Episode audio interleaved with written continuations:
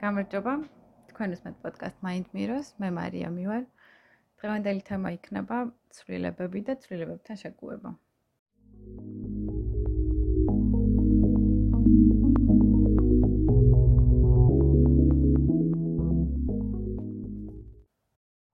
რამდენიმე წლის წინ 9gag არის ესეთი ვებსაიტი და ახლა უკვე აპლიკაციაც აა მიმების აპლიკაცია და მახსოვს რომ 9gag-ზე ვნახე ერთი მიმი რომელშიც ეწერა რომ ერთ დღეს ანუ წარსულის რომელიღაცა დღეს შენ და შენი მეგობრები ბოლო ჯერ ჩახვედით ეზოშიო და აა მარც ერთმა არ იცოდით ესო რა.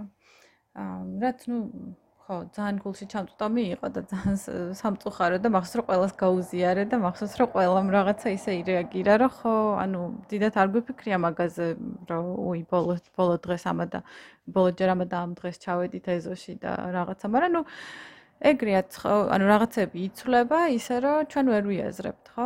ხშირად გამიგია და მეც გამიგია კი არა და ძალიან ბევრჯერ მიფიქრია რომ აი რატო არ შეიძლება რაღაცები დარჩეს ხო? ცხოვრებაში რა რატო არ შეიძლება რომ ისე იყოს როგორც არის ვთქვათ არავინ არ მოკვდეს არავინ არ წავიდეს. და ყველა ვიყოთ კომფორტულად მაგრამ ნუ რას ვიზავთ ხო? ეს არის.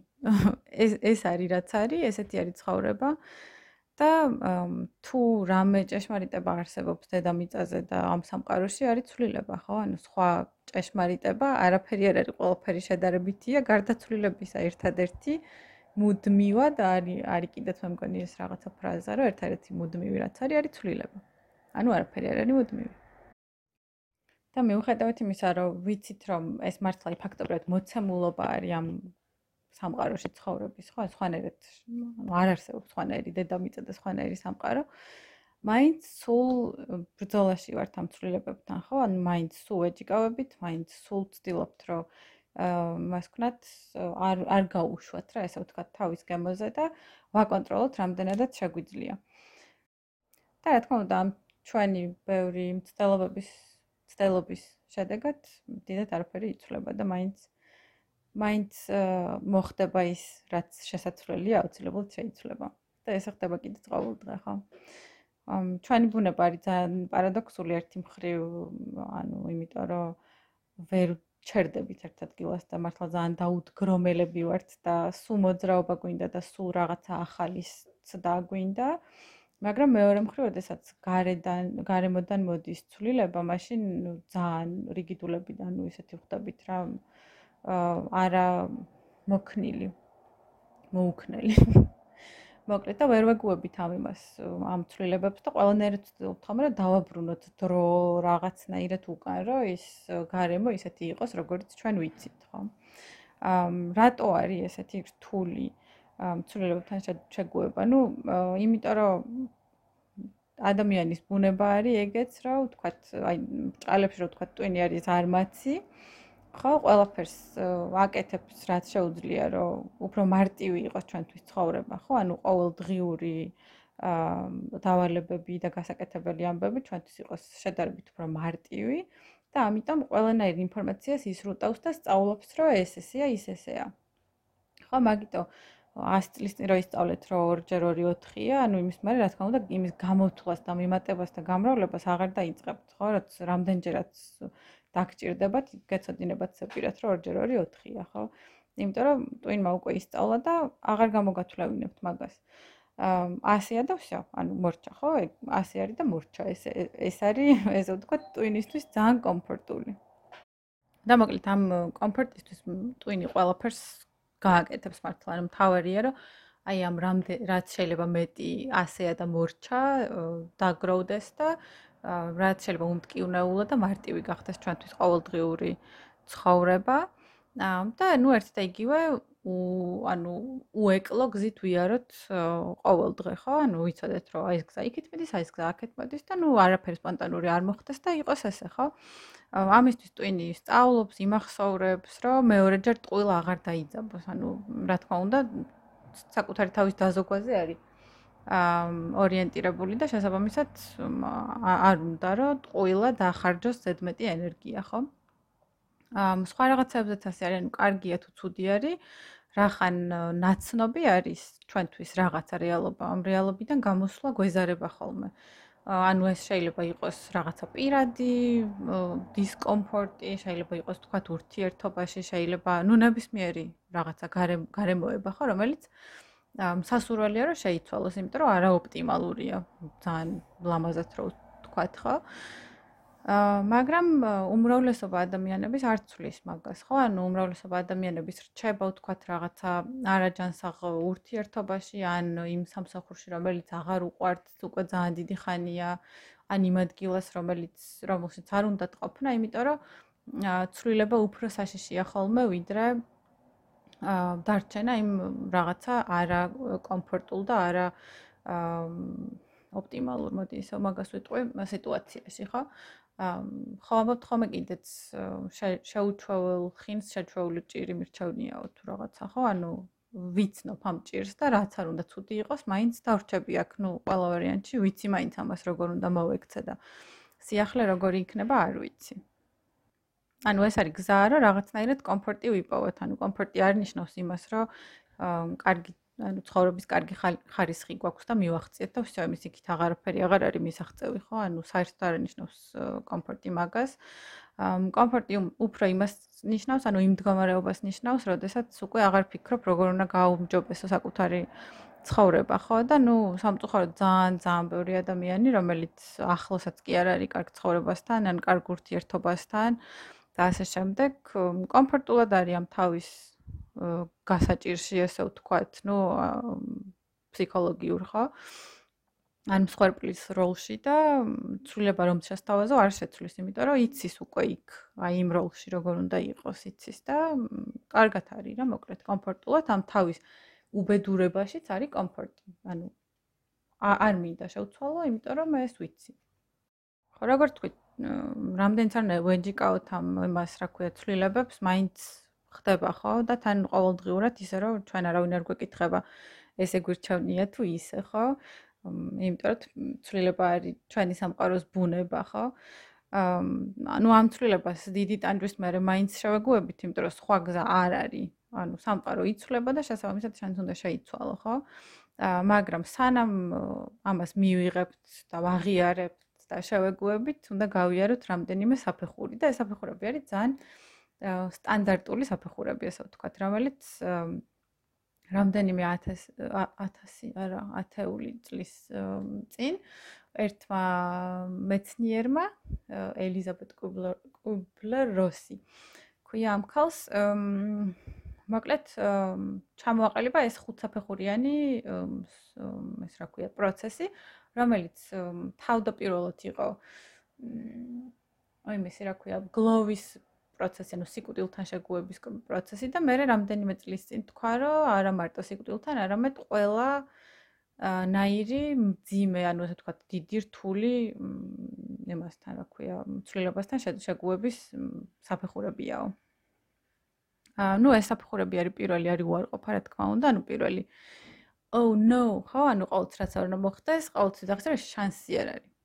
ანუ არ არსებობს, ჯერ არის, ანუ უარყოფას მოიცავს კიდე ეს უარყოფა მოიცავს შოკს, დაბნეულობას, ანუ გაკვირვებას, იმას რა ქვია, შიშს, ხო? და იმდანაც გვაშინია, რომ რაღაცა ეს კომფორტული მდგომარეობა შეიძლება შეიცვალოს, რომ გვირჩევნია, რომ საერთოდ არ გჯეროდეს და მართლა არ გჯერა, ანუ რაღაცა პერიოდი არის ხოლმე ამ სიახლეების, როდესაც მართლა არ გჯერა, რომ არა, ესე არ არის. შეიძლება რამდენიმე წამი გაგრძელდეს, შეიძლება რამდენიმე წელი გაგრძელდეს, რა ვიცი, პანდემიასთან დაკავშირებით იმდენი ხალხი იყო უარყოფაში დღემდე, რომ რა ვიცი, რას გაიგებ ხო? აა, მოკლედ, რატო არის ეს, რომ გვეშინია ახალის, ახლის უბრალოდ, ანუ აა ჩვენი რეალობა იცვლება, არის უცნობი, თავიდან უნდა ვისწავლოთ, საერთოდ აღარ გვაქვს კონტროლი, ყველაფერი გაგვი გაგვეცალა ხელიდან, რაც კი შეგვეძლო რო გვეკონტროლებინა. და საფრთხეში უგრძნობთ თავს, ხო? ბუნებრივი მდგომარეობაა, რომ ვთქვათ, რომ არა, არ მინდა, ანუ რაღაც ფეხების ბაკუნი ვით გამოდის, რომ არა, მე არ მაწყობს ეს რეალობა და ამიტომ ეს ესე არ არის, ხო? აა ეს ფილმი რო არის ახალი ფილმი, შედარებით Don't Look Up, ძალიან კარგად ჩანს მან ანუ ეგ ფილმი მთლიანად denial-ზე ანუ ამ უარყოფაზე ხო როგორ აცხადებს მთელი სამყარო უარს იმის იმაზე რა ქვია გააზრებაზე რომ რაღაცა საშინელება არის წინ და რაღაცა აუცილებლად მოხდება, ხო? ანუ რა თქმა უნდა პანდემიასთან იყო რეფერენსი და ნუ ძალიან თვალსაჩინო.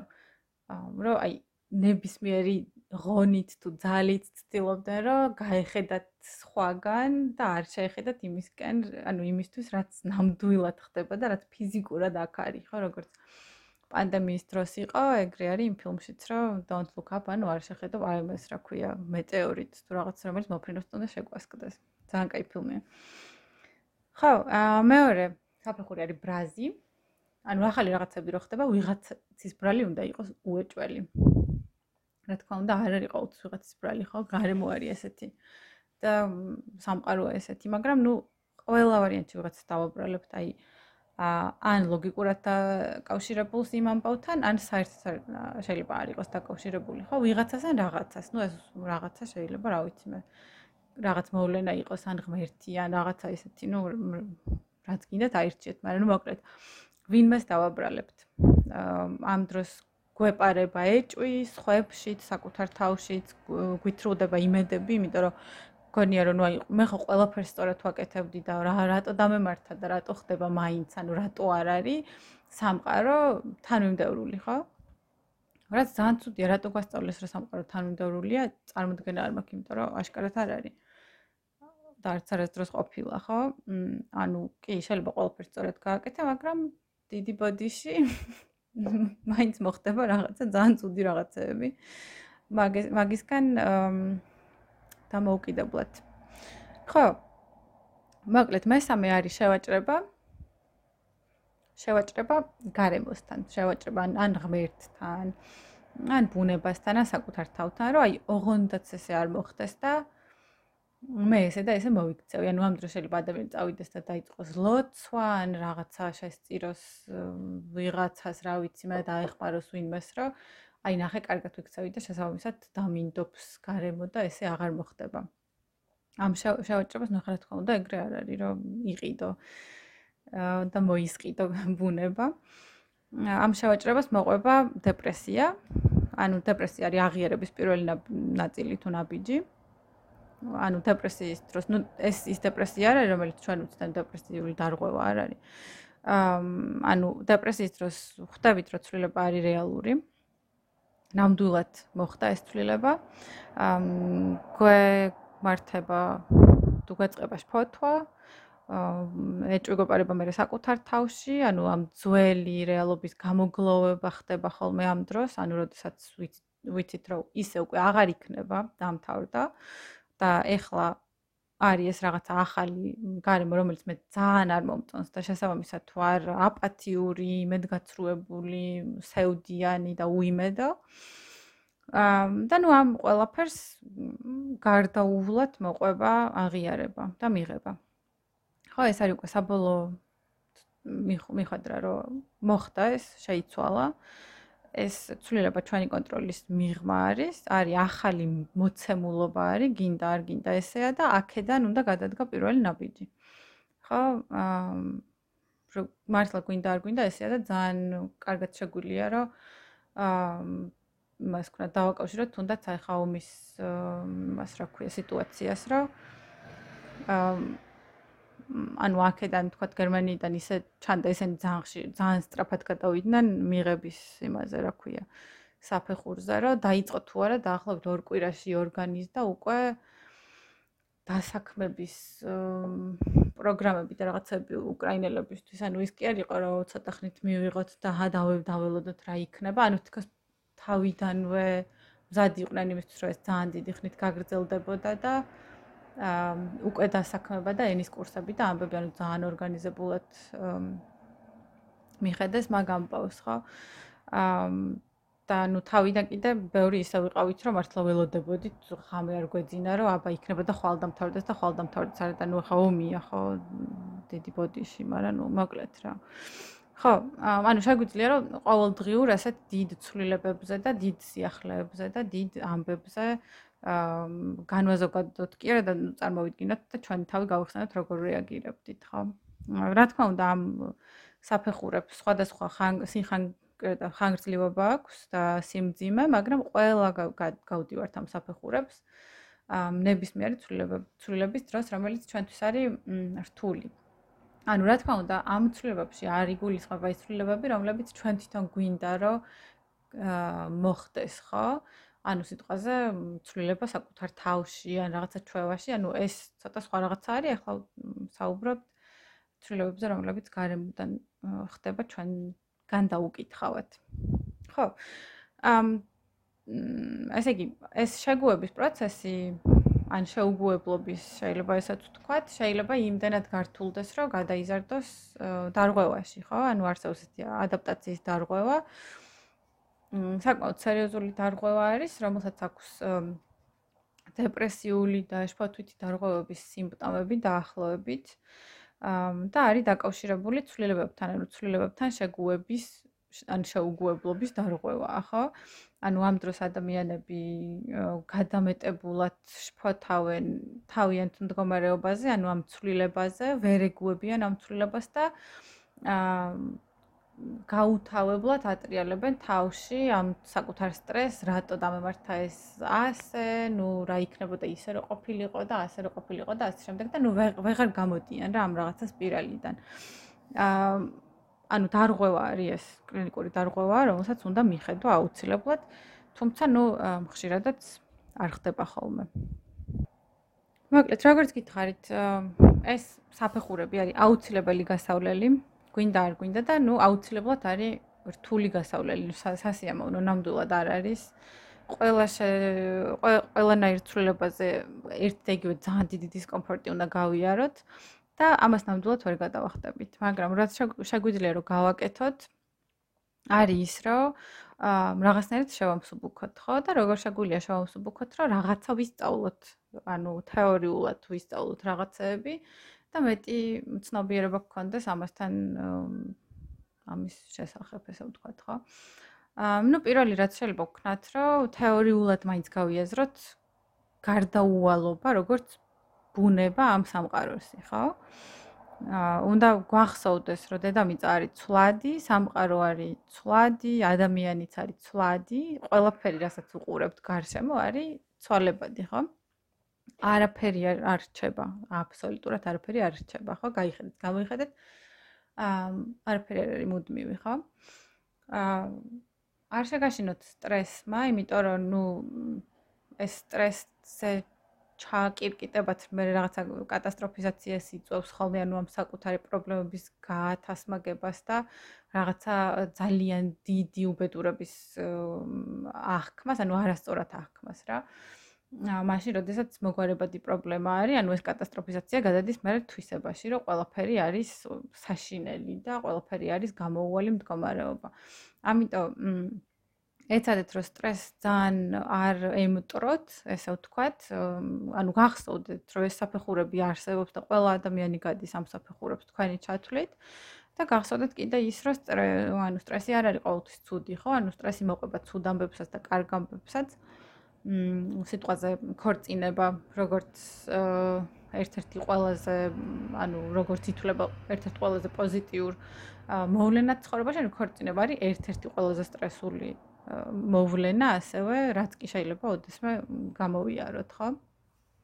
აა მეცნიერულად ამტკიცებულია ხო აა კიდე ანუ იგრძნობთ მოთხოვნილებას, რომ რაღაცა მაინც აკონტროლოთ რა, ისო რომ დაგექცეთ თავზე სამყარო და ყველაფერი შეიცვალოს და აბსოლუტურად სხვა იყოს ყველაფერი. აა გაცილან უყო ძალიან ძლიერად იგრძნობთ მაგის მოთხოვნილებას, რომ მე რაღაცა უნდა ვაკონტროლო, მე რაღაცა უნდა ვიცოდე, ანუ რაღაცა საფეხურების განსაზღვრელი მე უნდა ვიყო, ხო? აა და შეგიძლიათ, რა თქმა უნდა, ანუ მართლა სულ დაიქცეს სამყარო, ამ მართლა შეგიძლიათ რაღაცეები მაინც თქვენ თქვენით გადაწყვიტოთ. მე მაქვს ხოლმე ანუ იმ ფაზებში, როდესაც ხვდები, რომ მე ვერაფერს ვერ შვები და თავს რაღაცა ძალიან უსუსურად გრძნობ და უძლურად. აა ანუ გულისხმობ იმას, რომ გარემო მოვლენებს რო ვერ ვცვლი, მაშინ გამართება ხოლმე ტალღები, რაღაცა ან მცენარეების მოვლის, რაღაც განსაკუთრებული მოვლის, ან სახის მოვლის, ახლა 15 სართულიან რუტინებს და რაღაცებს ვიტარებ ხოლმე მარტო იმიტომ რომ აი აი აი ეს 10 წუთი მაინც ჩემია და ის ზუსტად ვიცი რას გავაკეთებ და ვсё. ხო, ანუ ძალიან მნიშვნელოვანია რაღაც. შეიძლება სხვა რაღაცა იყოს თქვენ შემთხვევაში ნებისმიერი რაღაცა რაც შეგიძლია გააკეთოთ, შეგიძლიათ გააკეთოთ, მაგრამ აა აი ესეთ სისულელებსაც მოვყავართ ცოტა აზრზე და ანუ გვაფასებინებს, ანუ გვაძლევს საშუალებას, რომ შევაფასოთ რამდენი ანუ რაღაცა კონტროლი რომ მაინც რო გვაქვს რა. და ნუ ძალიან ისეთია აა ხა ძალიან მაგარია თქვა რომ თქვა რომ რაღაცნაირად კავშირს არ გვაკარგვინებს რეალობასთან რა.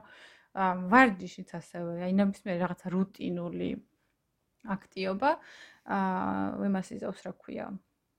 მ დაგვაბრუნებს, დაგვიბრუნებს ამ რაღაცა შეგრძნებას, კონტროლის, რომელიც ხა ძალიან კარგი არ არის, მაგრამ ყველას გვჭირდება.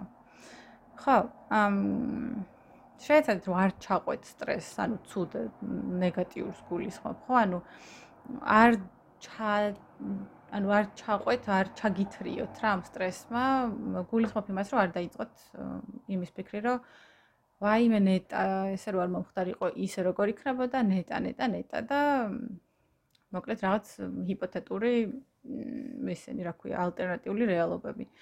აა არ დაიწყოთ, იმიტომ რომ ძალიან არაჯანსაღი პატერნი არის ეს ანუ საქციელის თუ ფიქრის რომელიც დაუსრულებელია რა, ანუ რაღაცნაირად მიჩვევა იცის თითქოს და რეალობისგან ძალიან ძალიან გაშორებთ აი ფაქტობრივად ხლეთთ რა რეალობასთან და ნუ რეალობას აღარ იღებთ ისე როგორიც არის და ნუ ხართ ამ რაღაცა უბედურების სპირალში ჩათრეული და ვეღარ გამოდიხართ იქიდან რა. ანუ ეცადეთ რომ ეს ნეტაები ანუ შეამციროთ ცხოვრებაში, იმიტომ რომ ძალიან ისეთია რა, რუმინაცია ქვია მაგას.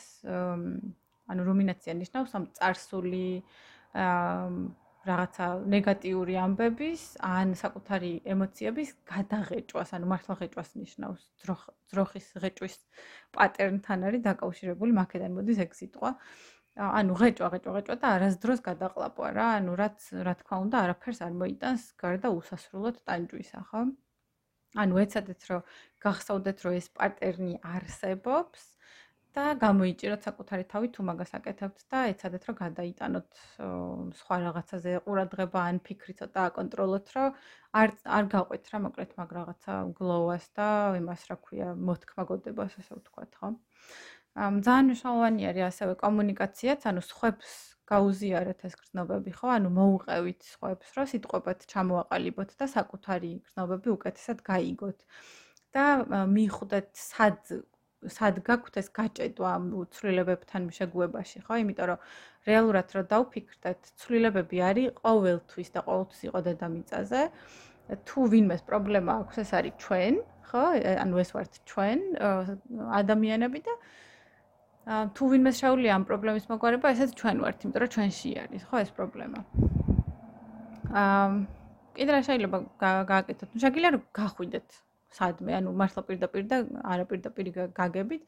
აა ანუ მოშორდეთ რაღაცნაირად ამ თქვენს აი მას რა ქვია რეაქციას ან პრობლემებს, სირთულეებს, ხო? ანუ გახვიდეთ, ან გეოგრაფიულად გარეთ გახვიდეთ, ან უბრალოდ შეეცადოთ რომ აა შეეცადეთ რომ აი ახლა თქვენი თქვენ პრობლემებს გვერდიდან შეხედოთ ხო სხვა ადამიანის ან სხვა წერტილიდან პერსპექტივიდან ხო აა და ნუ ხშირ შემთხვევაში დაინახავთ რომ მართლა იმხელა არ არის ეს თქვენი გასაჭირი რამდენი რამხელაც ჩანს შიგნიდან ხო? რომ გაეშორებით ცოტა დაპატარავდება ძალიან ხო?